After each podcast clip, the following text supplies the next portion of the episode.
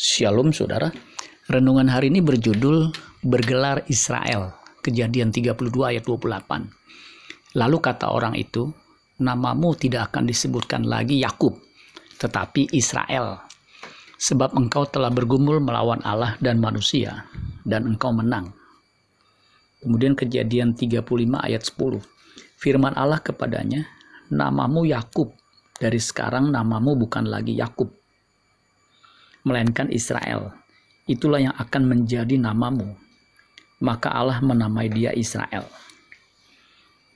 Nama Yakub sekarang menjadi Israel, yang berarti Allah yang berarti orang yang bergumul dengan Allah atau orang yang bertahan sampai akhir atau Allah menang.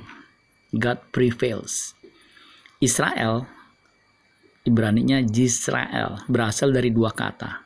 Sarah artinya berkuasa, memiliki kuasa dan El. El itu artinya Allah.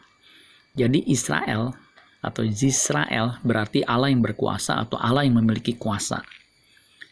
Perhatikan frasa sebab engkau telah bergumul melawan Allah dan manusia dan engkau menang kejadian 32 ayat 28. Naskah Masoret menulis Kisarita im Elohim fe im anasim fatukal. Secara harfiah artinya, karena engkau menjadi perkasa, sar, di hadapan Allah dan manusia, dan engkau mampu.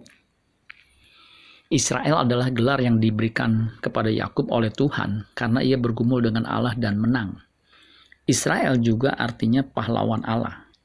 Gelar yang sama juga diberikan kepada orang percaya sebagai Israel rohani orang percaya yang bergerak Israel, Israel rohani, harus terus-menerus berjuang menjadi manusia Allah yang berkodrat ilahi, sehingga menjadi benar-benar menjadi manusia Allah yang sejati, yang akan hidup kekal di kerajaan Allah. Amin buat firman Tuhan. Tuhan Yesus memberkati. Sola Gracia.